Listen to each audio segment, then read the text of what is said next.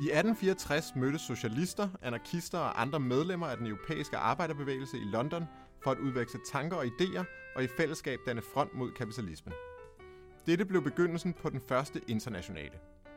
Tankerne bag internationalen var, som de blev defineret af Karl Marx i sin åbningstale, at eftersom kapitalen opererede på tværs af landegrænser, så blev arbejderbevægelsen nødt til at gøre det samme.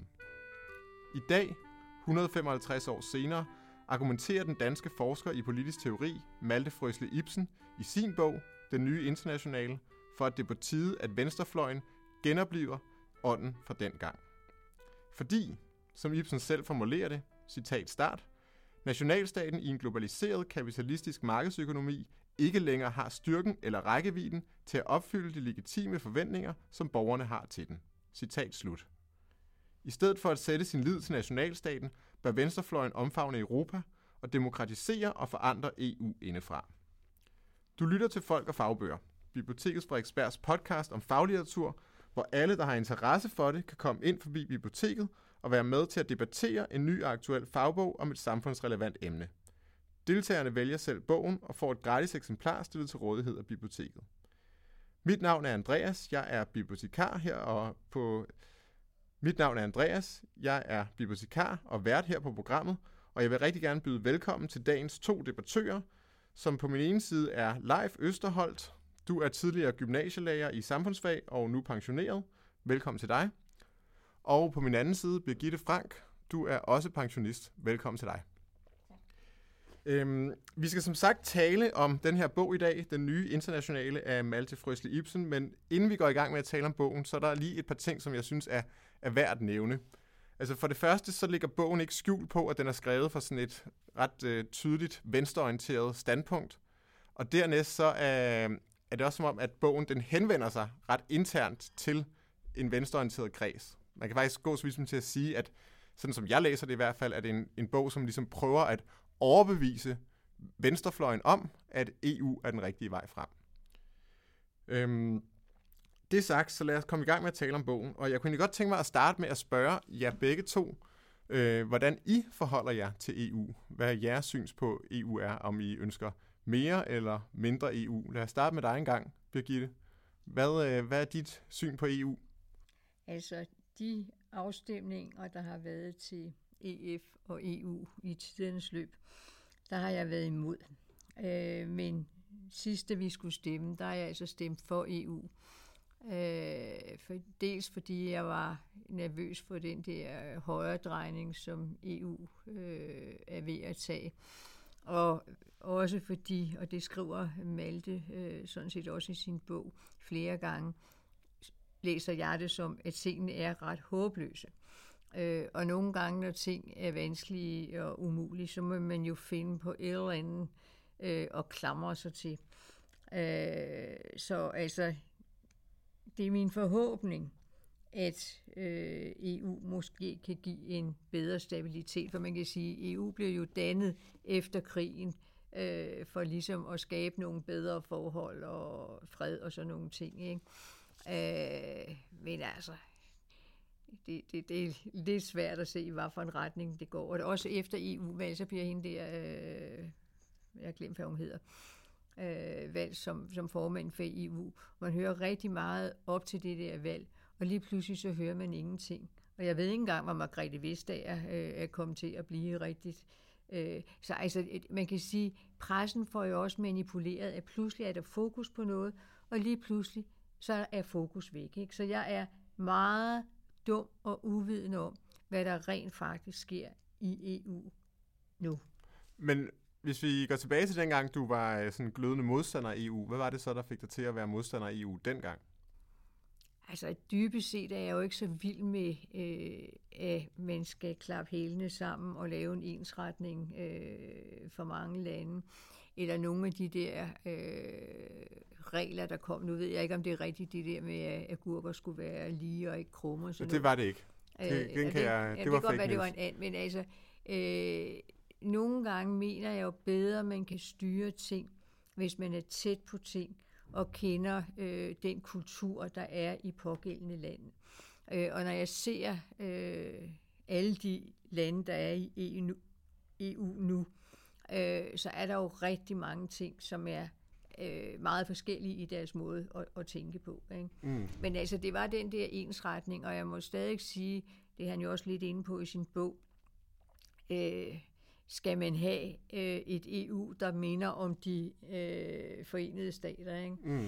Øh, og det er sådan nogle ting, der får mig til øh, at, at, at løbe skrigende øh, væk. Ikke? Mm. Men det kan, øh, når jeg er mere positiv nu, så tror jeg, det er fordi, at vi står over for nogle problemer, og det kommer vi nok til at diskutere mere, øh, som er så påtrængende, som er så markante, så man kan ikke bare lukke sig ind og sige, øh, jeg er dansker, øh, og så klarer jeg øh, mine problemer. Ikke? Altså hvis vi tager klima, øh, så er jeg også nødt til at diskutere røgen i Polen og sådan noget. Ikke? Mm. Så det er i et håb om, øh, at nogle af de store problemer, som altså virkelig tynger verden, måske kan blive lettere løst ved, at man arbejder sammen. Fint. Leif, lad os høre dig, din holdning til EU. Ja, i dag er jeg jo helt klart tilhænger. Jeg er ovenikøbet medlem af Europabevægelsen, øh, så det er sådan helt officielt. Jeg startede faktisk med at være modstander af stemme nej i 72, øh, og øh, det var jo, ja, det var måske sådan lidt den antikapitalistiske tankegang, der, der lå bagved dengang. Øhm, og det var jeg modstander de første år. Øh, men da så øh, Sverige blev medlem, øh, og øh, så øh, synes jeg ikke rigtigt, der var så meget perspektiv i det mere. Også det, at med Maastricht øh, fik vi øh, et system, hvor man også begyndte at lave positive ting. Altså tidligere havde man jo bare fjernet regulering, således at kapitalen kunne bevæge sig friere frem Øh, friere igennem øh, det, man også kalder negativ integration. Men nu begyndte man jo også at lave positiv integration, hvor man for eksempel gik imod børnearbejde, hvor man øh, begyndte at snakke sikkerhed på arbejdspladserne. Øh, man begyndte at ville i højere grad, havde man også gjort før, at sikre, men tog fart med sådan noget med menneskerettigheder, som jeg går, synes er meget vigtige, øh, og, og tog dem ind. Så en hel masse positive ting, man gjorde. Øh, samarbejdet med Afrika blev også mindre kolonialistisk, end det var oprindeligt. Man prøvede faktisk at få en større hjælpefaktor.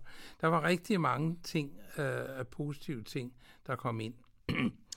og øh, man kan sige, at øh, for Danmarks vedkommende, øh, hvad skulle vi øh, uden EU? Altså, skulle vi så bare være sådan en ø, øh, ligesom Schweiz, som jo også har tæt forbindelse, Norge med det europæiske økonomiske rum. Øh, det, det er helt perspektivløst for, øh, med, for mig at se med Danmark, øh, Danmark uden for EU. Men det, det er interessant, det du nævner med, at det i sin tid var sådan det antikapitalistiske argument, der fik jeg til at, at stemme imod EU, fordi at forfatteren til den her bog, altså der, lad os starte med at sige, altså der er nok ikke nogen tvivl om, at da EU blev blev øh, grundlagt, jamen der handlede det netop om at sikre varer og kapitals fri bevægelighed i, i Europa. Det var nok det, der var, var hovedårsagen til det. Men, men i dag så argumenterer sådan en som ham her Malte for, at, jamen, øh, at, at EU er ligesom den eneste institutionelle ramme, som ligesom kan bekæmpe kapitalismen og, og begrænse kapitalismen. Er du enig i den analyse? Jamen altså, der skal man jo, der skal man jo bemærke, bemærke ordet kan. kan.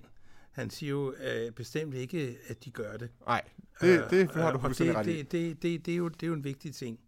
Altså, øh, EU er jo bygget op omkring øh, de fire friheder. Mm. Øh, så det er det oprindelige øh, med øh, vares og kapitalens frie bevægelighed, arbejdskraftens frie bevægelighed og en fri etableringsret. Øh, den slags ting er jo det, der er, er, er, er, er grundlaget så en landbrugsordning, som nok falder delvis i betydning. Øhm, men men øhm, altså, jamen, jeg, om EU kan, det ved jeg ikke, om de kan. Men der er i hvert fald ikke noget andet, der kan, øh, vil jeg hellere sige.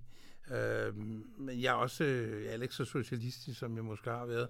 Nej. Øh, øh, og øh, jeg mener, det er meget vigtigt, at vi har en velfungerende markedsmekanisme, og øh, det, det, det mener jeg i høj grad. Men altså, jeg mener, at EU er et simpelthen nødvendigt redskab. Jeg, jeg er enig i, at hvis man fx skal lave en virksomhedsbeskatning, øh, så kan du ikke nytte noget, at den, man... Den vender vi tilbage til senere, fordi at, øh, at det nemlig, vi kommer til at gå konkret i dybden med nogle af de her sådan meget konkrete forslag, han har, Malte Frøsli Ibsen i sin bog. Så den her med virksomhedsbeskatning på EU-niveau, den vender vi tilbage og diskuterer senere. Men altså man kan sige, at overordnet set, så er, er bogen delt op i to dele, hvor den første del, øh, kapitel 1-5, jamen det er ligesom her, han skitserer de problemer og udfordringer, han mener, verden står overfor. Og den anden del af bogen, jamen det er så kapitel 6 og 7, jamen det er så der, hvor han forsøger at komme med sine svar på, hvordan de her problemer kan løses. Og der spiller EU en ret stor rolle. Øhm, de problemer, som han peger på, det er henholdsvis det, han kalder for legitimitetskrisen, og øh, det kan man også kalde for den populistiske krise. Det er en vis grad, det er i hvert fald populismen, han mener er en, øh, en stor udfordrer til øh, de liberale demokratier og den måde, vi gør det på nu. Du rækker hånden op, Leif. Jeg ved ikke, om man kan sige, at det er en populismekrise, vel? Altså problemet med legitimitetskrisen er jo, at han synes, det er øh, teknokraterne og, ø- og økonomien, som har sat sig mm. på demokratiet, i stedet for at demokratiet sætter, sætter sig på, øh, på, hvad hedder det, på økonomien. Ja. Det er der problemet er. Og så siger han, der kan være øh, sådan set to løsninger på det. Enten at man øh, får populismen, men man kalder jo ikke en popula- popularitet, det er sådan nærmest krise, øh, det, for det er noget andet. Eller også, at man gør, gør hans vej. Ja. At man prøver på politisk at styrke, øh, hvad hedder det for eksempel, øh, andelsvirksomheder og øh, civilsamfund og så videre. Mm. Og så også gøre det med en EU-blik. Så, øh, så det andet, det er det grundlæggende for ham. Ja, han ligger meget vægt på, at både det, han kalder for den, den teknokratiske model, som er ligesom den, vi har haft, sådan den neoliberale måde at forvalte samfundet på, hvor ting ikke rigtig har været til diskussion, der har bare været en måde, økonomien kunne køre på, at det er en del af problemet, men øh, udfordreren til det her, så, så den eneste egentlige udfordrer til det, der er i dag, jamen det er jo så de her populistiske strømninger, og de, dem mener han så heller ikke har svarene på de problemer, som de liberale demokratier befinder sig i. Øh, den anden krise, han, øh, han taler om, jamen det er så den stigende økonomiske ulighed, øh, og derefter selvfølgelig flygtningekrisen og klimakrisen. Og øh, lad os starte med at, øh, at dykke lidt ned i, øh, i det her omkring legitimitetskrisen. Øh, altså hvis vi nu starter med at tale om populismens fremgang, både i en europæisk og i en amerikansk kontekst, er I så enige med forfatteren i, at, at den udgør en trussel mod demokratiet? Hvad siger du, Birgitte? Øh, ja, 100 procent vil jeg sige. Men det er jo mennesker, der ligesom vælger, altså mennesker, der vælger sådan nogen som Trump, det er mennesker, der vælger sådan nogen som Viktor Orbán, de ønsker jo, at de her mennesker skal sidde ved magten. De, de er demokratisk valgte på demokratiske, efter demokratiske principper, hver eneste af dem. Jamen, det har du fuldstændig ret i, men øh, hvis vi tager øh, presse og propaganda. Nu skriver han slet ikke noget om IT, som jeg synes øh, er en vigtig del, hvordan man kan få øh, budskaber ud. Ikke? Øh, altså, man ved jo, at man kan gå ind og se, når folk bruger computer, hvad for nogle ting de er inde på, og man kan målrette propaganda til øh, højreorienteret eller venstreorienteret. Ikke? Så på den måde er der nogle redskaber øh, i spil, når man skal vælge folk, som vi ikke har kendt til 30 år tilbage. Ikke? Så, så det er rigtigt, øh, det kan jeg jo ikke modsige dig, at folk vælger Trump for eksempel af fri vilje, ikke?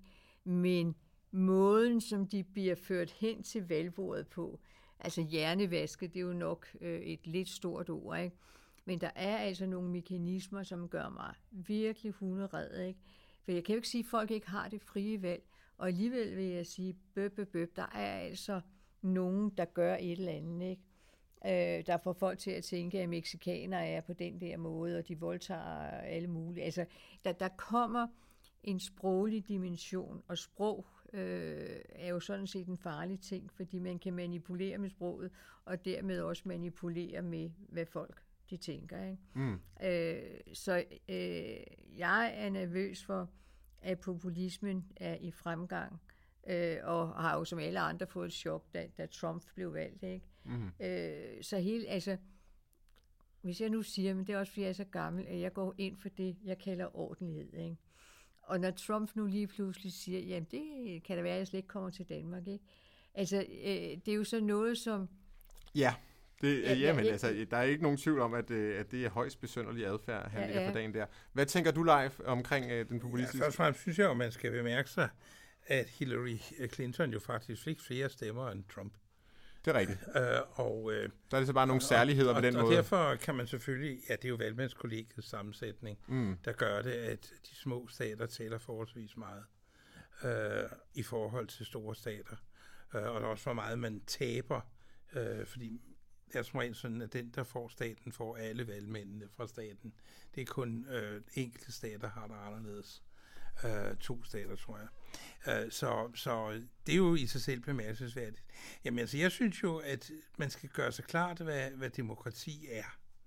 Og demokrati, det er jo, for mig at se, det er jo oplyste borgere, der øh, sætter sig ind i øh, tingene, og, og det har de muligheder for, fordi der er en fri debat, øh, og det er fakta, der, der ligesom lægges vægt på.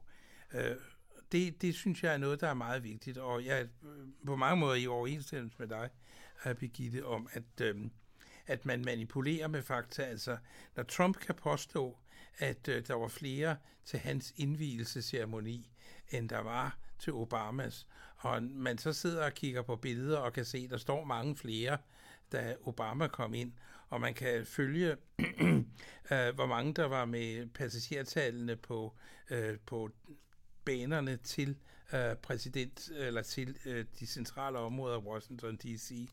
og kunne se, at det var mange flere dengang. Jamen altså, så står vi jo i en situation, hvor, hvor, øh, hvor, hvor der ikke er, det, det er udemokratisk. Øhm, så øhm, så det, det synes jeg er et stort problem øh, i USA. Men det er også sandelig et problem andre steder, for det er også noget, der andet er vigtigt for et demokrati. Det er jo magtens tredeling. Øh, og, det er jo, og det er jo blandt andet det, man har pillet ved i Ungarn, og også har forsøgt pille ved i, øh, i Polen, mm. omkring og, øh, at... at øh, det, som at man, de kalder for et illiberalt demokrati. Ja, det gør man jo. Og det, det, er, jo, og det er jo virkelig øh, forkert. Altså nu var jeg i, i Budapest øh, sådan med overbevægelsen her i, i april, og øh, snakkede, og vi snakkede blandt andet med, med, øh, med det frie universitet øh, fra, øh, altså det, der er finansieret af George Soros, øh, og øh, også med Journalistforbundet. Og øh, det er sådan, at, at øh, man jo, dem der ligesom kommer med konsekvent øh, kritik, øh, dem bliver der lukket munden på. Altså typisk de aviser, som er, er kritiske, de bliver opkøbt, mm. og så skifter man personalet ud. Øh, og, øh, og, og George Soros, de får jo på universitetet der, de, de får jo, de flytter jo til Wien mere og mere. De kan ikke få lov til at være der. Og, øh, men det, der sådan set er mest imod populismen, det er, at nogen påstår, at de kan udtale sig på folkets vegne. Fordi så behøver de ikke øh, i og sig at sige så meget, fordi jamen, jeg udtaler mig på folkets vegne, og det er det, folket vil. Mm. Øh, og, øh, det har den tyske idehistoriker Jan Werner Müller skrevet en rigtig interessant ja, ja, bog om, godt. Øh, som, som, som ligesom prøver at indkapsle, jamen, hvad er det, der kendetegner populisme i sin grundform. Ja, ja. Men jeg synes, en interessant ting, du, du nævnte, øh, øh, Leif, det var, at, at Hillary Clinton, jamen hun fik rent faktisk flere stemmer, men er Hillary Clinton ikke et pragteksempel på den anden modpol, som han nævner, som også er dem, han ikke mener har svarene på, hvordan vi kommer videre. Altså den her teknokratiske jo, det er jo status quo. Altså det var vel lidt det, der valget var mellem i USA. Enten så kunne du vælge en øh, populistisk bad boy som Trump, eller også så kunne du vælge systemets kvinde, som ligesom stod for at opretholde tingene, som de var, og ikke rigtig ændre så meget på økonomiske strukturer og så videre. Altså, der var vel ikke rigtig muligheden for at vælge en kandidat, der passer ind til det, som... Ikke, ikke i det oprindelige, ikke i det endelige præsidentvalg, men der var jo Bernie Sanders, øh, ja. for eksempel, der stillede op. Og det er jo ham, han bliver også rost i bogen, Præcis. som være en, en, en mulighed. Øh, men øh, han faldt så ved øh, primærvalgene og blev ikke nomineret ved... Øh, ved det endelige konvent, det, det demokratiske øh, konvent. Mm-hmm. Øh, og det, det var måske en fejl. Øh, men altså... Øh, Lad os gå videre til at snakke lidt omkring øh, altså den anden store krise, øh, som han taler om i bogen, som er altså den økonomiske ulighed. Og øh, altså, han fremfører med udgangspunkt i den franske økonom Thomas Piketty en masse dokumentation for, hvorledes den økonomiske ulighed den er steget ret voldsomt siden 80'erne frem til i dag. Og øh, altså, det, det her skal der ikke nogen tvivl om. Altså alle undersøgelser af det her viser, at uligheden den er steget voldsomt meget, især i, inden for de sidste 30 år. Det er, det er helt vildt, så meget den er steget der. Øh, men hvis man spørger sådan, øh, altså liberale stemmer, eksempelvis øh, repræsentanter fra tænketanken CEPOS øh, herhjemme øh, i, i landet, jamen så er den her ulighed ikke nødvendigvis negativ, fordi den skaber vækst og dynamik i samfundene. Øh, Birgitte, hvilket hold er du på i, i den her sammenhæng? Altså mener du, at den stigende ulighed er et problem, eller mener du, at den er god, fordi den er med til at skabe vækst og øh, dynamik? Altså, jeg mener, det er et kæmpe problem simpelthen. Ikke? Altså, når man laver de der oversigter over, øh, hvor mange penge meget, meget få mennesker tjener i forhold til resten af verden. Det er jo bindegalt, ikke? Men hvis jeg tager Danmark, fordi det der ulighed, det gælder jo, så vidt jeg kan se, alle mulige lande, ikke? Øh, så ser vi det, altså hvis vi nu tager alle dem, der bor på gaden, mm. øh, som jo er for mig at se et problem, der er voksende i forhold til, som jeg husker det tidligere, ikke? Øh, så føler jeg virkelig, at der er en middelklasse, der er blevet større. Ikke? Og når han hele tiden, øh, altså han Malte, øh, taler om øh, de venstreorienterede eller socialdemokraterne, ikke? Øh, så vil jeg tillade mig at sige, at mange af dem er blevet det, jeg kalder middelklasse. Ikke? Mm-hmm. Øh, når han også taler om, om fagforeninger. Øh, så vidt jeg er orienteret, er der færre, der er med i fagforeninger, end der var tidligere. Ikke? Øh, så der sker noget med folk. Ikke? Så altså, øh, jeg mener, at der er flere og flere, der har det dårligt mm. økonomisk. Og det ser jeg som øh, et problem. Nu vil jeg ikke sige, at alle dem, der er hjemløse, er ligesom de gule veste. Men altså, hvis man har det tilstrækkeligt dårligt, øh, så kan det godt være, at man på et tidspunkt bliver presset til at sige, nu må det fandme til at, at, at slutte, nu må jeg gøre et eller andet, som i min optik så kan være en eller anden form for øh, nu siger jeg vold, det mener jeg sådan Altså, så du tænker, at, at den ulighed her, den er ikke kun skadelig, fordi at øh, den er, har negative konsekvenser for at, øh, nogle mennesker, der, der har dårlig livskvalitet, men også fordi den kan føre til at destabilisere de vestlige samfund simpelthen? Altså, øh, altså hvis jeg nu tager øh, mange af de illegale flygtninge, som jeg bilder mig ind, for eksempel er i Italien, ikke? Øh, de vil jo få nogle øh, lavt lønnede job, fordi der er også nogen, der udnytter dem. Det er smart at have nogen, der, mm. der, der tjener få penge. Ikke? Øh, og så kommer der lige pludselig nogle problemer med... Altså, de er med til at presse lønnen ned, simpelthen. Ja, ikke? og der var der så stor arbejdsløshed, så kommer der nogen, som vil tage meget dårligt øh, betalte job, og hvor dem, der måske havde de job tidligere, så bliver aggressive på den her nye øh, del af befolkningen. Så altså for mig ligger der tonsvis af problemer i den der økonomiske ulighed. Nej, for verden blevet for økonomisk ulige? Øh, altså, du snakker om verden, ja. øh, så skal man jo nok bemærke sig, at, at, og det står også i bogen, at den faktisk er relativt mere lige. Ja, det er, hvis du sammenligner landene øh, øh indtil... Ja, altså, men, i, ja, i, men altså, også hvis du tog alle mennesker øh, i verden. Fordi du har fået disse kæmpe store skare i Kina. Det er rigtigt. Der er øh, mennesker, der er blevet vækst ud af fattigdom, men, men, men det, som han så... Og, ligger... det, og det er så mange millioner mennesker, så, så, så globalt. Men i de enkelte lande har du større ulighed, særligt her i Vesteuropa det, og i USA. Og det, det, det, det, nej, det er selvfølgelig imod. Øh, det er klart. Øh, jeg synes, det er... Men jeg har det sådan, jeg synes primært, det er en skam for de mennesker, der har så svært ved at få det til at løbe rundt øh, som må hudle sig igennem øh, for at få det til at løbe rundt øh, på kontanthjælp, og det er jo i høj grad folk, der er og på, ja, nu hedder det vel ikke integrationsydelse mere, nu hedder det vel selske, øh, øh selv, selvhjælps- og hjem, hjemsendelsesydelse, ja. som de får. Altså, at de har så, miser, så miserabel en økonomi, øh, at de næsten ikke kan få det til at løbe rundt, og ikke kan tillade sig noget som helst, og specielt dem, der er børn, ikke kan noget som helst, og ikke kan være med til, de, til at få gaver, og jeg ved ikke hvad. Det synes jeg nok er det værste. Det er simpelthen synd for de mennesker. Så dårligt liv burde de ikke have. Uh, men selvfølgelig synes jeg da heller ikke, at man skal svælge sig i penge blandt de allerrigeste. Specielt det, det synes jeg ikke, men bliver du forarvet, når du ser de bonusser, som uh, netchefen Ja, det gør jeg. Det selv? synes jeg er, er helt urimeligt og helt, uh, helt dårligt. Altså, øh, det, det, det synes jeg. Det, det, det ligner ikke noget. Og uh, nu synes jeg jo, det virker lidt fantastisk, at, uh, at Mette Frederiksen så har givet sin nye toprådgiver en, en, en superløn. Jeg ved ikke rigtig, hvad for et signal hun egentlig vil sende med det. Øh, det, det, det synes jeg virker mærkeligt. Men jeg synes også, vi skal satse på, at der ikke er en formidabel afstand mellem, hvad manden på gulvet og, og toppen får. Men forskellen er jo meget større i USA. Danmark har jo ikke så i forhold til USA relativt små forskelle. Og Tyskland er den også. Ja, men Danmark har forholdsvis små forskelle. Ja. Uh, og det hænger jo blandt andet sammen med, at vi jo trods alt stadigvæk har rimelig stærk, øh, stærke fag, fagforeninger, og at du, du kan ikke få lov til som voksen at gå måske at tjene 40 kroner i timen eller sådan noget. Altså, så, så vil der komme forskellige strækker imod det, og man vil prøve. Der vil ske nogle ting, selvom vi ikke har en, øh, en, en, en lovpligtig mindsteløn i Danmark. Så altså for mig er uligheden i, i, øh, i Danmark primært koncentreret omkring øh, folk på overførselsindkomster, og så er det et problem omkring enlige møder, som, uh, hvor der er en række enlige møder, der heller ikke har ret meget at rute med. Lad os prøve at gå i dybden. Må jeg lige sige ja, et kort kommentar.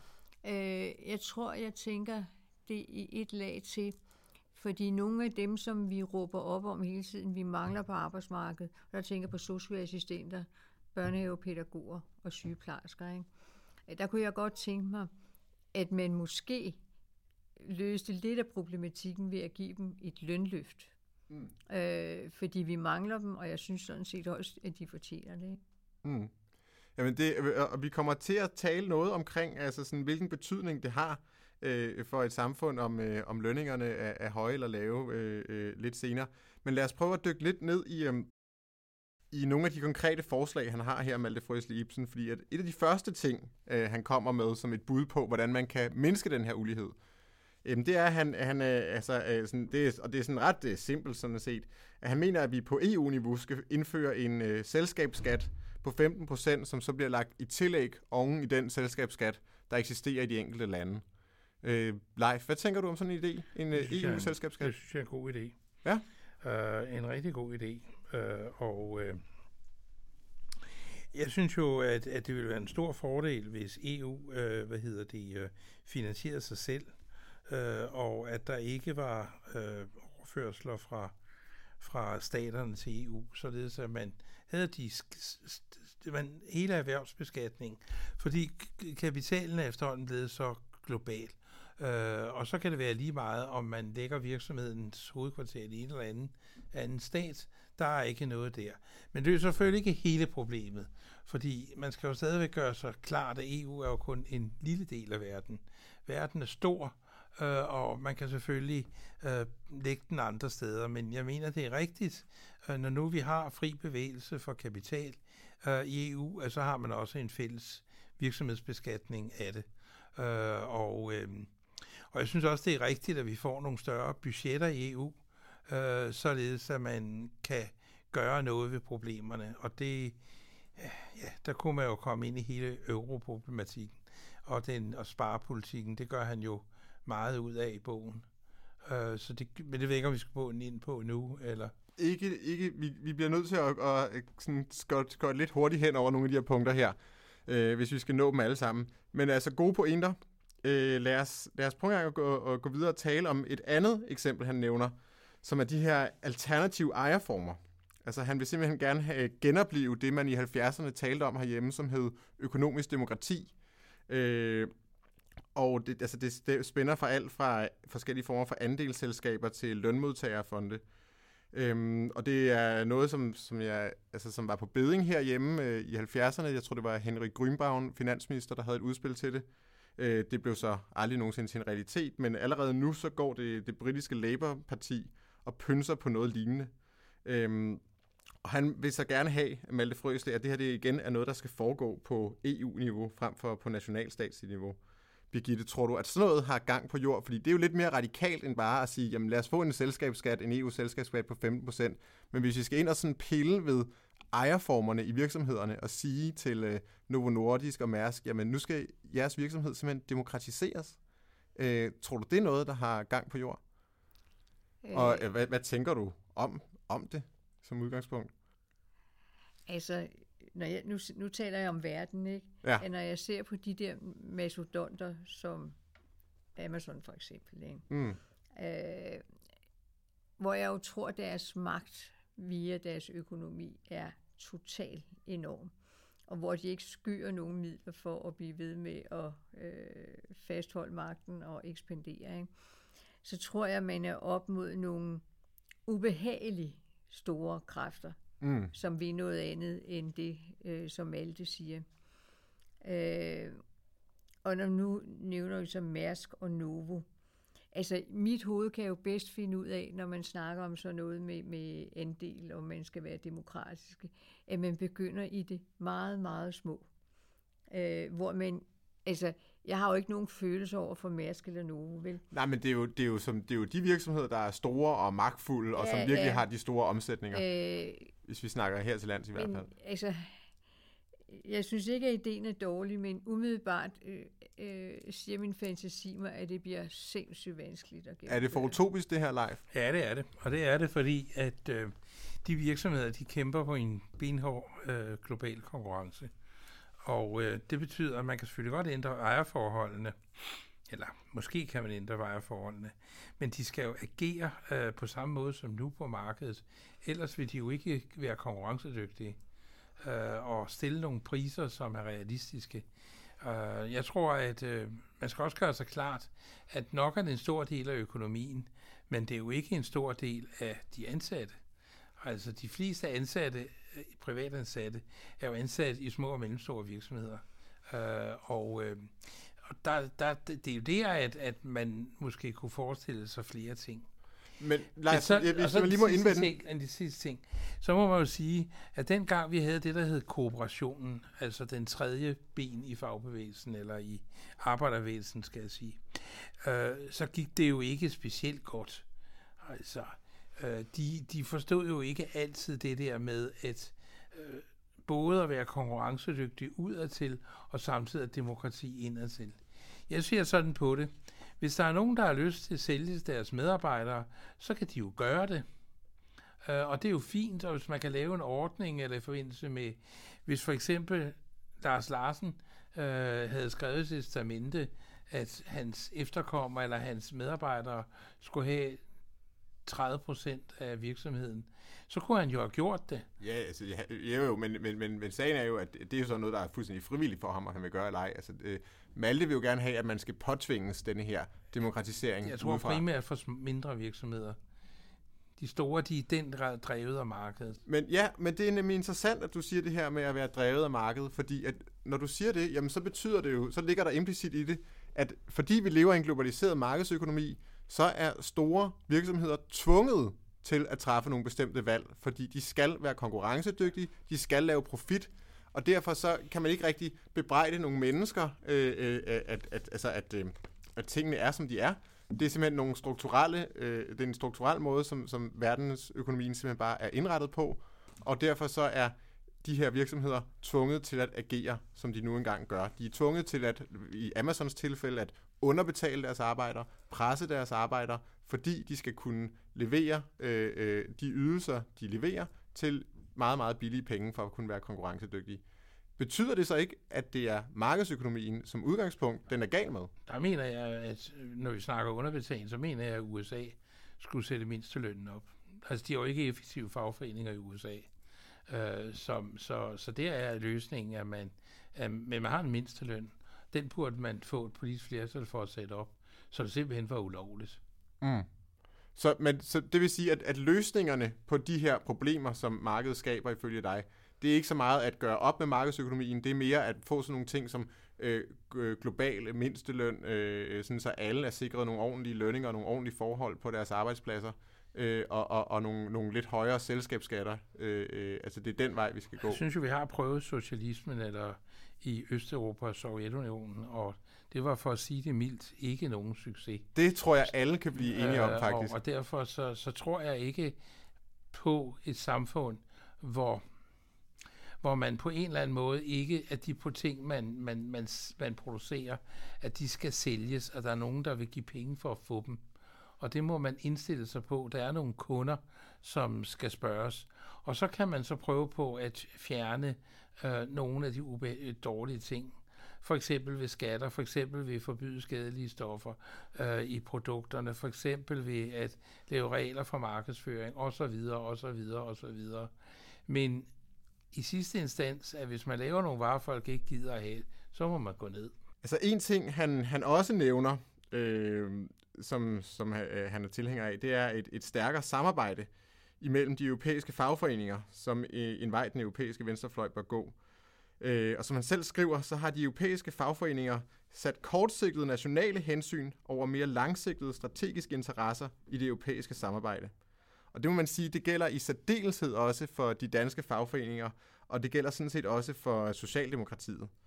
Øhm, Birgitte, hvorfor tror du, det forholder sig sådan, at øh, fagforeningerne rundt omkring i Europa, de har mere tænkt på at beskytte deres øh, nationale interesser, frem for at have sådan en mere større langsigtet plan om at få lige forhold, lige rettigheder bredt ud øh, landene imellem?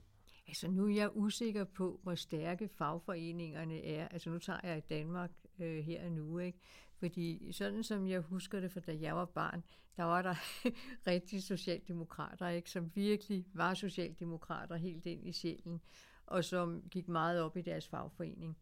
Øh, og jeg bilder mig der ind uden at være øh, alt for klog på det område, at fagforeninger ikke har den samme styrke, som de havde øh, dengang. Og nu taler jeg om Danmark, ikke?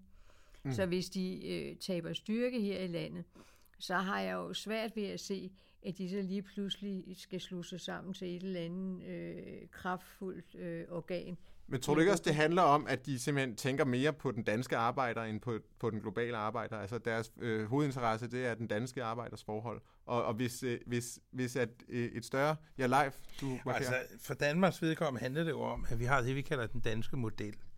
Øh, hvor man siger, at man har et aftaleforhold på arbejdsmarkedet. Øh, og det er jo noget lidt særligt. Altså specielt øh, længere sydpå, så har man jo meget svage fagforeninger generelt set.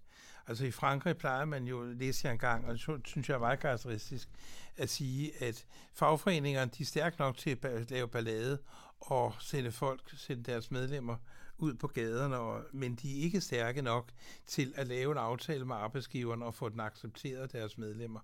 Og derfor får man en evig ballade på, på, på arbejdsmarkedet.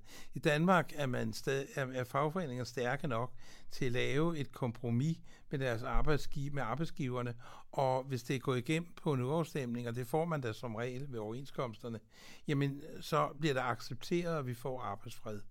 Men det er jo fordi, at man ja, ligger op på en 90 procent eller mere af arbejdsstyrken, der er, der er organiseret.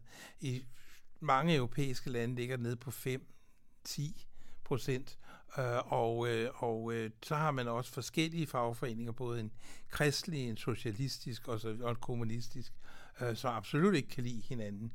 Øh, så derfor er, er, er, er det svært at, at, at, at, øh, at finde noget. Så derfor, øh, jamen jeg synes, at man skal forsøge at samarbejde øh, helt bestemt. Øh, hvor langt det kan bære, det ved jeg ikke, men, men jeg synes, at det var en, og jeg synes, man kunne gøre det mere virksomhedsnært. Man kunne forestille sig for eksempel, at, øh, at øh, HK, øh, som vel har en del ansatte i, øh, i Jysk, eller ikke ansatte, medlemmer i Jysk, øh, kunne samarbejde med øh, eventuelle fagforeninger i Tyskland og Storbritannien og Sverige øh, for, for, for de tilsvarende grupper. Øh, og, øh, og måske endnu mere øh, der, hvor man produktionsvirksomhed, hvor man lader produktionen køre rundt mellem landene. Øh, der ville det da være en udmærket idé, at man snakkede sammen på arbejdstagersiden. Men øh. en, ting, en ting, der er interessant, og altså for, for cirka fem år siden, så læste jeg en, øh, en, øh, en artikel af, af Pernille rosenkrantz i Politikken, hvor hun ligesom argumenterede for et stærkere samarbejde fagforeningerne imellem i EU, og, og argumenterede for, at vi skulle have overenskomster på europæisk plan osv. Og der blev hun ret hurtigt øh, banket på plads af partitoppen bagefter, og hvor hun fik at vide, at det her, det var altså ikke socialdemokratisk politik. Og jeg har faktisk jeg har forsøgt at gøre et ihærdigt forsøg for at finde den artikel her til i dag, og det har ikke lykkedes for mig. Det ærger mig rigtig meget, for jeg ville vildt gerne kunne have citeret fra den. Men jeg husker det ret tydeligt, øh, altså hele chancen, fordi jeg var først en lille smule forbløffet over at læse det, og jeg tænkte, hmm, det er da nye toner fra Socialdemokratiet. Og så blev jeg sådan alligevel øh, fik bekræftet min fordomme, da jeg så øh, få dage senere øh, øh, fandt ud af, at det her hun er altså blevet i rettesat for, at det her, det var ikke socialdemokratisk politik.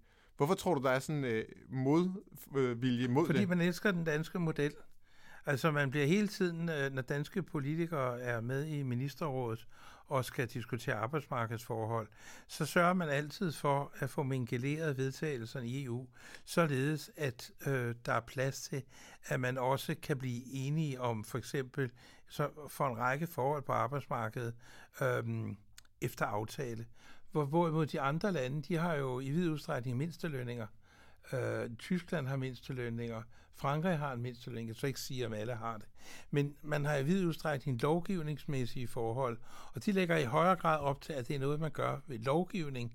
Og, øhm, og så er det klart, at så ville, hvis man skal lave en fælles europæisk model, så vil det også blive en lovgivningsmodel. Og det, det, er vi ikke, det er vi ikke vant til i Danmark. Vi er vant for til, at arbejdsgiver og arbejdstager laver aftaler og kører det på den måde. Mm. Øh, og det vil man gerne bevare.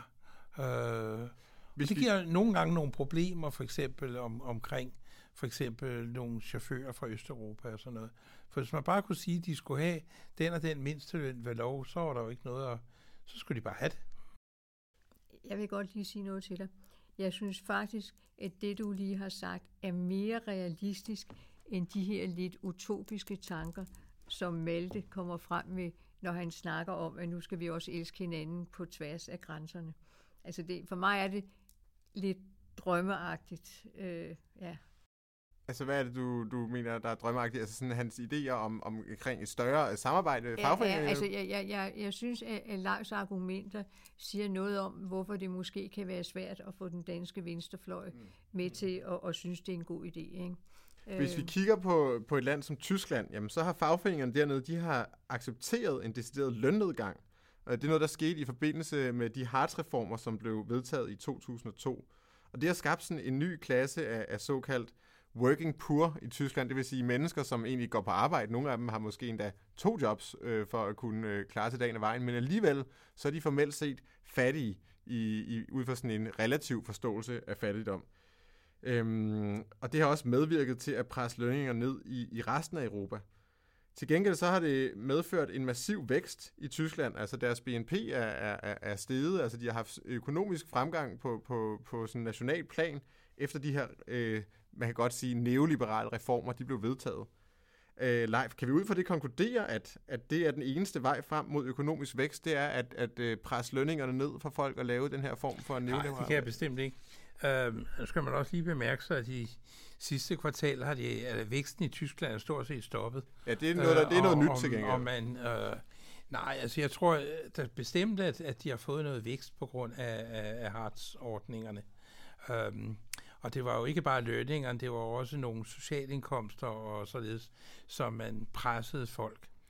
Uh, det, det, men altså spørgsmålet er jo også i vores, synes jeg, i vores uh, miljøtid og CO2-skrid, skal vi have alt det vækst? Godt spørgsmål, ja. uh, fordi, uh, hvad skal det så være for en vækst? Ja, altså vi tidligere øh, i denne her podcast, hvor der var I faktisk begge to deltagere her, øh, der læste vi jo den her bog af Per Stig Møller, som hed De Fire Isbjerge, hvor han faktisk øh, behandlede nogle af de samme problemstillinger, som Malte han behandler, og, og, og da det kom til klimakrisen, jamen så var Per Stig Møller meget, meget klar i spyttet med, at øh, jo jo, vi skal løse klimakrisen, men det må under ingen omstændigheder være på bekostning af økonomisk vækst. Jamen, så jeg vil godt uddybe. Det, er sådan, det kan man diskutere, men jeg er ikke blevet helt færdig. Nej. Altså, som hovedregel kan man jo sige, at øh, hvis man lader være med at se på øh, fordelingen mellem arbejder og kapital, hvordan øh, også det, man kalder for den funktionelle indkomstfordeling, øh, men siger, at den holdes fast, så kan man sige, så sker der jo det, at lønningerne stiger i takt med produktiviteten. Øh, jo mere virksomhederne, jo mere effektive man er per arbejdstime, desto mere kan der udbetales i løn. Jamen, det er jo ikke det, der er sket efter de her Hartz-reformer. Altså, der, der, der altså, produktiviteten, den blev ja, ja, ved med at stige. Ja, det var dengang, men de er jo stadigvæk, så får du jo væsentligt mere i Tyskland, end du gør i... Uh, i uh, altså, den, de fik et ordentligt dyk dengang, ikke? Jo. Uh, og så er der utrolig meget forskel. Altså, det er jo ikke, det er jo ikke en, så jeg har forstået det, så er det jo ikke en VV-arbejder uh, og, og metalarbejderen, der er faldet. Der er jo, men et stort, kæmpe stor gruppe for eksempel restaurantsansatte, folk, der ansætter ved rengøring. Uh, mange af disse erhverv, som, som, som ikke kan få det til at løbe rundt. Altså, man har fået større differentiering på arbejdsmarkedet, mm. øh, som jeg har forstået det. Øhm, og, øh, men det er rigtigt nok, i umiddelbart gav det et stort slag. Øh, og, øh, Øhm, men altså, man har jo fået positivt i gang i en, en, en vækst. Øhm, men altså, jeg synes da bestemt også, at hvis man endelig skal have den vækst, øh, jamen så skal den da være i det, jeg vil kalde for overskudslandene. Så skal den jo være i Tyskland og Danmark, hvor man skal have lønstigninger, således at der bliver mere rum for konkurrencedygtighed, holde ved lavere priser hos, øh, hos italienere og grækere. Øhm, altså du siger, de lande, som skal have vækst, det er sådan nogle lande som Tyskland og Danmark? Nej, ja, nej, nu mister nej, øh, fordi så bliver de jo mange, så kommer de jo til at miste konkurrenceevne. Og hvis de mister konkurrenceevne, øh, så er der flere, der køber sydeuropæiske varer. Mm. Og på den måde kan man, kan man hjælpe. Altså det, der jo er sket med euroen, det er jo, at man har lagt valutakurserne fast. Og når man har lagt valutakurserne fast, så betyder det jo, at man har ingen mulighed for at korrigere på, hvis et lands varer bare bliver dyrere og dyrere og dyrere i forhold til et andet land. Og Nej, jo, Præcis, altså man har heller ikke mulighed for at, at, at føre en ekspansiv øh, finanspolitik, fordi man kan ikke ligesom devaluere og lave flere penge øh, øh, øh, og, og, og sætte skub Nej, i økonomien. Nej, har vi jo finanspakten, ikke? Der har vi budget af her landet budgetloven. Præcis, vi har, vi har selv vedtaget at, at tilslutte os den. Øh. Ja, ja. Men, men altså, der kunne man jo godt sige, at, at øh, jamen det bedste var jo sådan set, hvis tyskerne fik nogle flere penge, og så købte nogle togrejser til Italien, så de kunne de kunne, de kunne øh, i endnu højere grad, de gør det massivt alligevel, øh, men, og så brugte nogle penge i Italien, så kunne nogle fattige italienere, eller spanier, eller grækere øh, komme i beskæftigelse. Jeg er glad, eller for, også kunne siger... de købe nogle, nogle flere, øh, ja, nogle, øh, nogle, nogle flere øh, græske retinavine, eller hvad søren de nu ellers ville. Et eller andet, som, som, som, som, øh, som kunne rette handlen op, skabe beskæftigelse. Men, men det modsatte sker jo, at, at man køber tyske biler i Sydeuropa, ikke? Mm. Og jeg, jeg synes, det er en fin lille detalje, at du sagde øh, togrejser i stedet for flyrejser. Det er meget i tidens ånd. Lad os gå det videre. Det forsøg på det i hvert fald. Ja, helt sikkert. Lad os gå videre til, til det, næste store, øh, det næste store problem eller krise, så ham, som han behandler her i bogen, og det er øh, flygtningekrisen. Og der vil jeg sige, at øh, et element, som jeg sådan finder ret befriende ved bogen her, og sådan, jeg synes, øh, han skal have noget ros for, det er, at han, han erkender, at der eksisterer ikke nogen perfekte løsninger på det her problem. Altså han beskriver det lidt som et uløseligt dilemma imellem på den ene side hensynet til den sociale kontrakt, som der ligger til grund for velfærdsstaten, og på den anden side flygtningens menneskerettigheder. Birgitte, hvis jeg skal spørge dig en gang, nu snakker vi om de her to poler. På den ene side, det nationale hensyn, altså den sociale kontrakt, vi har her i velfærdsstaten, og så på den anden side menneskerettigheder for mennesker langt væk i verden. Hvad, hvilke af disse to ting vejer så dybest for dig? Der tror jeg, jeg må sige, ligesom bogens forfatter, at det er simpelthen et kæmpe problem. Fordi øh, hvis vi snakker om flygtninge nu, så taler vi jo øh, meget om politiske flygtninge, der er flygtet fra et eller andet øh, i deres hjemland. Mm. Men der, hvor jeg jo tror, at den helt store flygtningekrise kommer, det er i forbindelse med klimakrisen. Og det nævner han også selv ja, i bogen. Ja. Ja. Øh, så altså, og hvis, hvis Afrika pludselig øh, bliver 50 grader varmt alle steder, eller Syditalien også og sådan noget, ikke? Øh, jeg er ud af stand til at rumme, hvad man gør, hvis millioner og atter millioner flygter, fordi der er blevet for varmt. Mm. Eller de drukner, øh, fordi vandet stiger. Ikke? Jamen, det er jo forfærdeligt at tænke på. For, for, og, og, og hvis vi kommer så vidt, altså, så er det jo helt klart, så er der ingen lykkelige løsninger på det. Og det er også meget godt til at illustrere, hvordan alle de her kriser er meget, meget tæt forbundne med hinanden. Fordi at, øh, som du selv siger, flygtningekrisen hænger meget sammen med klimakrisen. Hvis det er, der kommer så voldsomme klimaforandringer. Det gør der forhåbentlig ikke, men øh, desværre ser det ud som, det er den vej, det går lige nu øh, at, at simpelthen visse dele af verden bliver ubeboelige. Altså, så, så er vi først og fremmest virkelig ildestet, hvad den her flygtningekrise angår. Og samtidig så hænger øh, øh, klimakrisen jo også unægteligt sammen med den her ulighedskrise, hvilket vi kommer ind på, når vi skal snakke om det om lidt. Men, øh, hvis jeg lige må citere bogens forfatter, så siger han faktisk, øh, at det er en mareridstanke om, at vi måske får en ubeboelig jord. Ja, og så det... kan man vel ikke sige det øh, kraftigere, vel? Nej, det, det er bestemt ikke sjovt at tænke på. Leif, hvad, hvad, ligger, hvad er vigtigst for dig? Menneskerettigheder på den ene side, universelle menneskerettigheder, eller sådan den sociale kontrakt, vi har i forhold til velfærdsstaten? Det er jo som skylder af Karyptis, ikke? Altså, altså det, det, det, det, det, det, det, synes jeg ikke, man kan sige. Det er samme som at sige, hvem vil du helst have, bliver slået ihjel, din mor eller din far? Altså, ja. det, det, det, det, sådan, det synes jeg er et umuligt spørgsmål. Um, jamen, altså, jeg er enig i uh, bogen, og jeg andre i, at der er ikke noget klart svar på tingene. Um, jeg vil da også gerne bevare den øh, nuværende velfærdsstat, i hvert fald i dets grund, grundelementer. Øh, den skal selvfølgelig videreudvikles, så man kan måske også øh, man kan måske også pille ved den, således at den bliver mindre følsom over for indvandring øh, på nogle områder.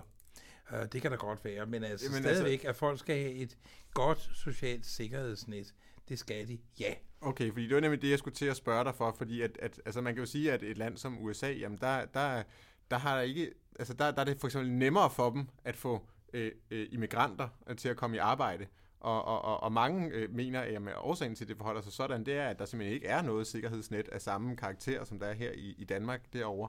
Og på den måde, jamen, så kommer folk simpelthen hurtigere i arbejde, når de kommer dertil. Ja, men nu jeg jo lige ved at bygge en mur, ikke? Jo.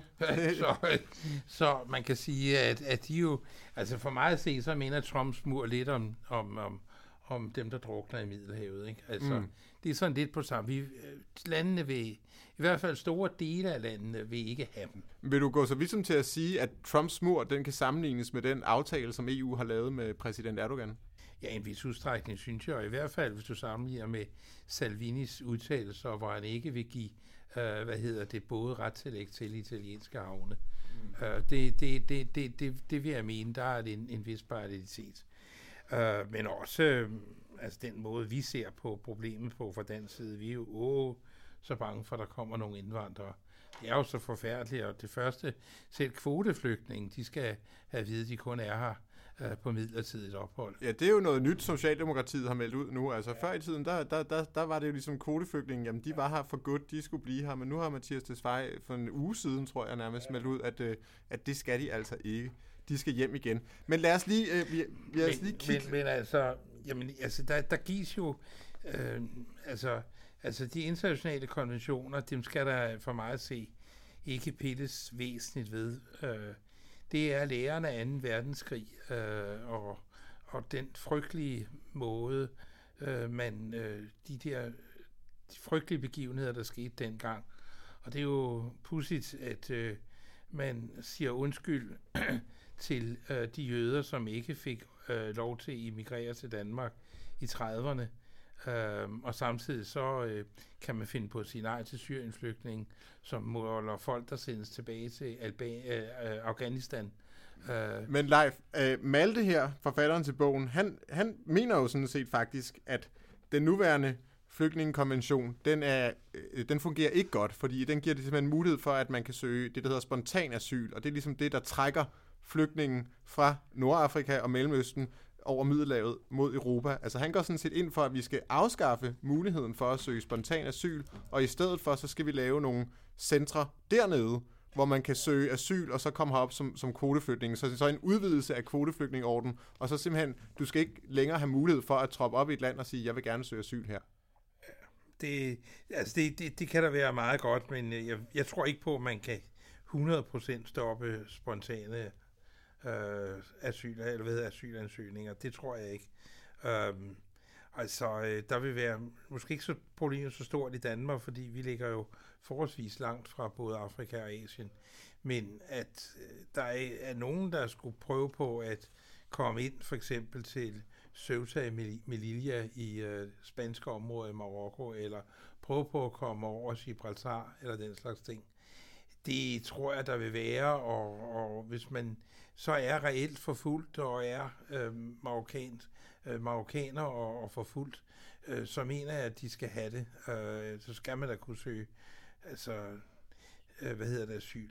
Så der er jeg ikke, altså, Nej. der er jeg ikke helt enig med ham, men, men altså, det er klart, at vi skal have, jeg synes, det vil være en god idé, at få, få folk øh, opsamlet, og, øh, og så dem, som, øh, som virkelig kun er arbejdssøgende, dem må man så tilbage, sende tilbage til, til hjemlandet. Mm, men altså, det skal så, nu skal vi lige øh, gøre, ham, gøre ham ret med alle det frøste her, fordi altså, de her, den, den, dem, der ligesom er politiske flygtninge og har brug for at søge asyl, der, mener, der vil han jo så gerne have, at Vesten, Europa, opretter centre i Nordafrika, ja. hvor de kan komme hen der og gøre det. Øh, spørgsmålet er så ikke, om det vil betyde, at vi vil få betydeligt flere øh, flygtninge i, øh, i Vesten. Det, det, det kan man måske tænke. Øhm, men vi, vi bliver simpelthen nødt til at gå videre til det sidste emne, fordi tiden løber fra os, og det er øh, klimakrisen, og vi kommer øh, desværre til at skøjte lidt hurtigt hen over den. Men Birgitte, en af de ting, som, som Malte han ligger væk på, det er, at der findes ikke nogen løsning på klimakrisen, så frem vi først får løst ulighedskrisen. Er du enig i det? Nej. Øh, altså, Altså fordi, at vi ligesom har set i Frankrig blandt andet med de her gule veste her, at ganske almindelige lønmodtagere, de gider ikke at betale mere for benzin, de gider ikke at, at, at, at betale mere for oksekød. Øh, det gør de måske, hvis de fik en form for, øh, for, for lønfremgang. Men altså i det hele taget, øh, at de føler, at det er dem, der skal betale for de her klimaforandringer, på trods af, at de har svært ved at få en ganske almindelig hverdag til at hænge sammen. Men nu er det fordi, når jeg tænker på klimaforandringer, ikke? Mm. så er jeg så naiv, så jeg tænker på, hvad kan jeg for eksempel gøre? Ikke? Øh, og, altså det er der, jeg er nødt til at starte, fordi øh, jeg er ikke så, så højt ravne. Ikke? Mm. Øh, og jeg prøver virkelig, øh, altså jeg flyver jo ikke mere, jeg rejser faktisk heller kun i Danmark, ikke? og jeg øh, er vegetar, og altså jeg prøver virkelig mm. øh, at tænke mig om, ikke? Så man kan sige, at de, altså jeg tror ikke, jeg kan frelse verden ved, at jeg bare gør de her ting. Men det, jeg gør, øh, skaber jo ikke et ringere liv for mig. Øh, altså jeg kan godt se, at franskmændene, øh, Frankrig er så stort, og det der med, at benzinpriserne skulle stige. Så noget som at kunne transport- du, har, du skal jo heller ikke transportere dig frem og tilbage på arbejde nej, nej. længere. Det, det, den, øh, det er du ligesom sluppet for nu. Jamen hør nu her, dengang jeg arbejdede, der kørte jeg altså også med de offentlige, fordi ja. det har, er så meget en del af mig. Men også, du boede sikkert også i byen? Jeg boede altså faktisk i Jylland. Okay. Øh, så, ja. Øh, ja, men altså, øh, jeg bevæger mig med det offentlige, og det har jeg gjort i rigtig mange år, ikke? Øh, og så tager det længere tid, men så har jeg jo en bog med og sådan noget. Så altså for mig at se, behøver øh, ulighedskrisen ikke, nu tager jeg Danmark, ikke at hænge sammen med klimakrisen. Nej, er du enig i det, Leif? Jamen, jeg må lige tage et eksempel. Ja. Øh, jeg snakkede med en i dag, der havde været til Pride, og så siger hun, at det flød med alle mulige ting, og der var alle de der Pride-flag på sådan nogle plastik øh, dimser, ikke? Og så siger jeg, gud, kunne man ikke lave det af, af kokosnødder eller noget andet, altså de der stænger, ikke? Øh, så altså for mig handler det sgu om, at tænke anderledes. Jo, men Birgitte, der er det jo, at, at EU jo kan være en, en, en institutionel ramme for ligesom at sikre, at øh, nogle bestemte produkter bliver forbudt, og man ligesom får pålagt, jamen nu skal I bruge majstivelse til at lave øh, plast, poser af fremover, og nu skal ja. I ikke længere bruge, øh, bruge plastik, øh, osv. Altså, sådan nogle ting, dem køber jeg, fordi øh, at der er, er fornuftigt at lave en regulering, der så gælder for et stort område. Ikke? Hmm. Jeg ved ikke, altså, jeg, jeg tror, jeg har kigget lidt på det der med de gule veste. Man må nok sige, at, at øh, set fra de gule veste synspunkt, var Macrons måde at indføre tingene på måske også problematisk. Han startede med at lette formueskatten, øh, og det gav en manglende indtægt til den franske stat. Øhm, og stort set samme beløb forventede man så at skulle betale i de der skatter, øh, benzin- og dieselskatter. Øh, det så man så lidt af en udfordring. Desuden så øh, er der mange franskmænd, som er meget, som kører meget langt til arbejde. Man kører rigtig langt til arbejde, også længere end man gør i Danmark. Og, øh, og uh, der er tit ikke specielt meget kollektiv trafik, når man kommer væk fra de store byer. og det er derude, folk har råd til at bo. Så dermed kan man sige, så havde det måske en klarere uligheds profil. Altså han, han kunne have gjort tingene måske på en lidt mere smart måde, så det ikke gik op i en spids i, i, i Frankrig. Og så skal man ikke glemme, at Frankrig har en generelt en tradition for at gå på gaden. Fordi, mm. som jeg var inde på før, man har så dårlige muligheder for at lave lokale aftaler, finde ud af det mellem hinanden. Det er staten, der skal komme med det hele, øh, og det, det, det, det gør den situation.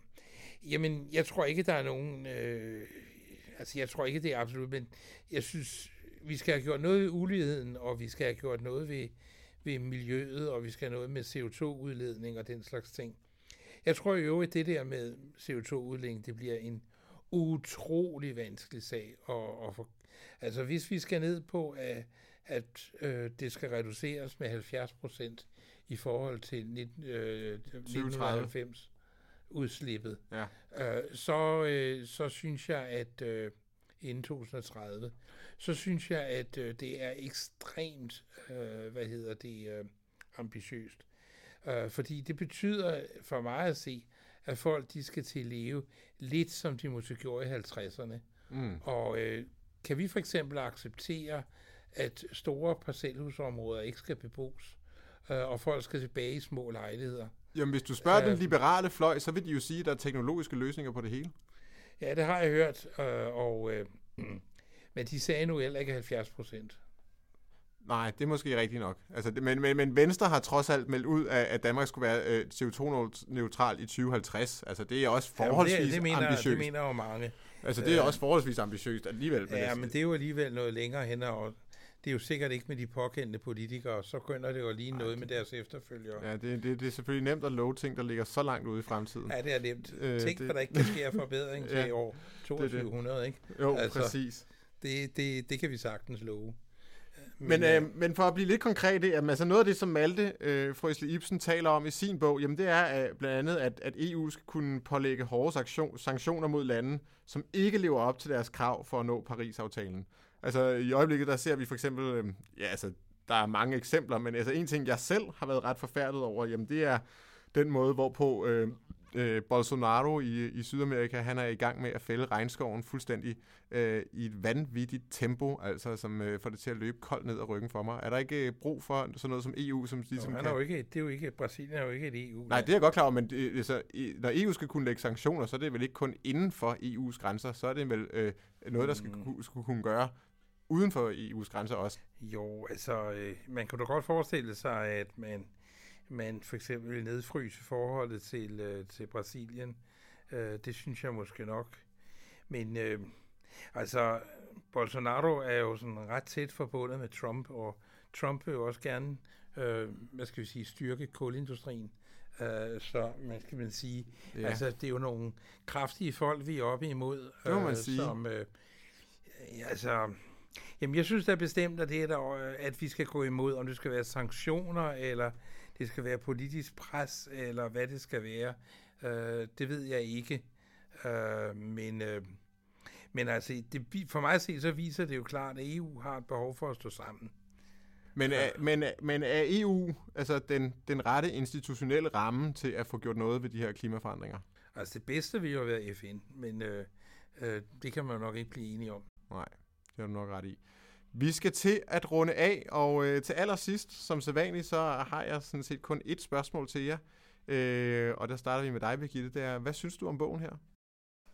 Altså, det, der tiltalte mig mest, det var, at han jo også er inde på kommunerne. Ja, det er faktisk interessant. Øh, et super interessant perspektiv. Han vil også gerne have mere nærdemokrati. Ja, Fortsæt endelig. Øh, og det er det eneste, jeg kan forholde mig. Altså, jeg ved ikke, hvad jeg, jeg kan stemme til EU-valget, og jeg kan gøre nogle ting, men det er jo altså øh, meget lidt, jeg kan gøre. Og derfor er jeg nødt til at sige, er der et eller andet sted, jeg kan gøre noget? Øh, og der er jeg nødt til at sige, at det eneste, jeg kan forholde mig til, det er bitte små enheder. Ikke? Og så tager jeg så kommunen. Og jeg kan sige, da jeg var op til reception hos den nye øh, borgmester, så havde han lagt sådan en bog frem, man kunne skrive i. Og så skrev jeg, borgerdeltagelse, tak. Mm. Øh, og det mener jeg, og det altså, og der er du meget i ånd med bogens forfatter her. Altså, ja, det vil han rigtig men, gerne Men det er fordi, af. at der, der kan jeg gøre noget, og jeg vil gerne være aktiv øh, og, og, og se, om jeg kan ændre noget. Ikke? Og da jeg kom til det der, efter at have læst alle hans lidt utopiske tanker, så tænkte jeg, så faldt jeg helt ned i min stol og sagde, ja, det er jeg enig med ham. Mm. Så mit hovedord skal være kommunen. Helt sikkert. Og, det, altså, og en anden ting også, han fremhæver jo det her historiske eksempel fra Frankrig, øh, som hedder Paris og kommunen, som ligesom tit bliver løftet op på en pedestal af den yderste venstrefløj, som det var faktisk der, det var der, det hele lykkedes. Ikke? De her 71 dage, hvor den her Pariser kommune eksisterede, det var det, var, det, var det, det, det, man godt kan lide at fremhæve som eksempel, i stedet for, som du tidligere gjorde live, øh, øh, øh, hvad det hedder, Sovjetunionen og, og, og det øh, system, der var der, så er det altid Pariser kommunen, som Venstrefløjen godt vil sige, det var her, det lykkedes. Det var sådan, samfundet faktisk skulle se Ja, ja, ja, ja. Nå, Leif, hvad synes du om bogen her? Jamen, jeg synes, det er en rigtig god bog, specielt for enhedslistens medlemmer. Uh, fordi, De vil have jeg, godt af at læse den, tænker du? Ja, det synes jeg. Altså, øh, det er jo meget bemærkelsesværdigt, synes jeg, at, øh, at hvad hedder det, enhedslisten jo, der tidligere EP-valg har stillet op øh, via øh, Folkebevægelsen mod EU, øh, nu stillet op selv. Øh, og øh, Nikolaj Willumsen, som jeg sad og kiggede lidt på, øh, inden jeg kom, øh, han er i hvert fald et stykke af vejen enig, ikke hele vejen, han er mere EU-kritisk og, og så videre, men man snakker jo ikke i enhedslisten om, at man vil ud. Det gjorde man jo tidligere via Folkebevægelsen. Øh, så øh, det, det, det er jo i sig selv øh, centralt. Øh, så øh, jeg synes, det kan være en rigtig god... Jeg tror, at øh, enhedslisten måske vil få lidt af den samme oplevelse som SF øh, via den her bog, om at der er faktisk nogle muligheder. Der er mange i Europa, som tænker ligesom dem. Altså, det er der jo, og, og øh, jeg tror, da, når han får fem år dernede, det regner der med, at han får, øh, så, øh, så, vil han, øh, så vil han se, at, at, at jamen altså, der er den, og der er den, og der er den, og vi kan måske lave noget, og så videre, så videre. Men, Men et eller andet sted, så kan man jo også godt forstå enhedslistens skepsis eller kritik over for EU, for hvis vi kigger på den økonomiske politik, som har været dikteret fra EU øh, lige siden dens begyndelse, jamen så har det sådan set kun været det præcis det modsatte af det, som enhedslisten ønsker. Jo, skulle skal også være imod Folketinget, og så kan vi nedlægge Danmark. Ikke? Ja, ja, ja. Altså, det, det, det der jo trods alt ikke været forslag, at vi skulle nedlægge Danmark, vel? Fordi de førte en urimelig politik, vel? Nej. Øh, så, så, øh, så det må jeg sige, altså, man må skælne lidt mellem, øh, hvordan tingene er, og altså, det er en institutionel ramme, som man kan bruge. Man kan også forkaste den, men man kan ikke få en anden ramme. Det er det, der er problemet. Mm. Øh, der er ikke en anden organisation, der kan tage over. Nej. Så skal man øh. starte helt forfra, og det er noget, der er meget, meget langt. Det ja, og så vil det måske blive noget andet, noget, der er endnu mere uacceptabelt ja. set fra Vineslæstens side. Uh, med hensyn til kommunerne, synes jeg, det er meget spændende, at han gerne vil give kommunerne mere indflydelse. Men så må man også være indstillet på, at nogle gange vil borgerlige jo bruge den indflydelse til at lave noget, som man ikke kan lide. For eksempel uh, for eksempel øh, færre pædagoger i vuggestuer og børnehaver. Altså, øh, der kunne du godt forestille, at der var nogle jyske sparekommuner, der ville prøve på at, øh, at, at drive det ud. Altså, og der synes jeg jo, at Venstrefløjen snakker om kommuneindflydelse, men når det kommer til stykket, så er Venstrefløjen jo ikke bange for at bruge øh, folketingsvedtagelser, for, hvor der står, at kommunen skal det og skal det og skal det. Øh, jeg tror lige meget, hvordan man vender og drejer det, så de første mange år, så er det afgørende politiske niveau i Danmark øh, den danske stat og Folketinget. Det er der hovedmagten ligger, og hvis EU bliver på en eller anden måde kommer fuldstændig ud af trit, øh, jamen så melder danskere, så, så har man taget forbehold jo. Vi kan jo se, at vi har på en række punkter har taget forbehold, og vi er ikke med i centrale dele af EU-samarbejdet. Vi har ingen euro, vi er ikke med i det retlige eller indre samarbejde osv. Altså det er Folketinget og den danske politiske debat, der er kernen øh, for det politiske liv. Øh, og det tror jeg, at det bliver ved med det. Man skal heller ikke bemærke, øh, undlade at bemærke, at de fleste stater, de er blevet dannet ved krig. Øh, og øh, hvis man tager USA, så er det jo ikke bare blevet dannet. Der, hvor du fik en federation, og kom ud over alle tanker om noget løsere, det var, da nordstaterne stod sydstaterne i borgerkrigen. Der øh, fik vi en samlet stat øh, for alvor. Mm. Og øh, han ønsker jo netop ikke en federation, øh, Malte Frøsle Ibsen her, nej, men han ønsker helt klart større beføjelser til UT i forhold til at lave skatter og sanktioner osv. Men tusind tak, Leif Østerhold, for at du vil deltage, og tusind tak til dig, Birgitte Frank, for at du vil deltage. I har lyttet til Folk og Fagbøger, Biblioteket Frederiksbergs podcast om faglitteratur, hvor alle, der har lyst til det, kan komme herind forbi biblioteket og være med til at debattere en ny aktuel fagbog. Mit navn er Andreas Lykke Jensen, og hvis du godt kunne tænke dig at blive deltager i programmet her, så send mig en mail på anje25 og så vender jeg tilbage til dig med Gevunds. Tusind tak, fordi du lyttede med.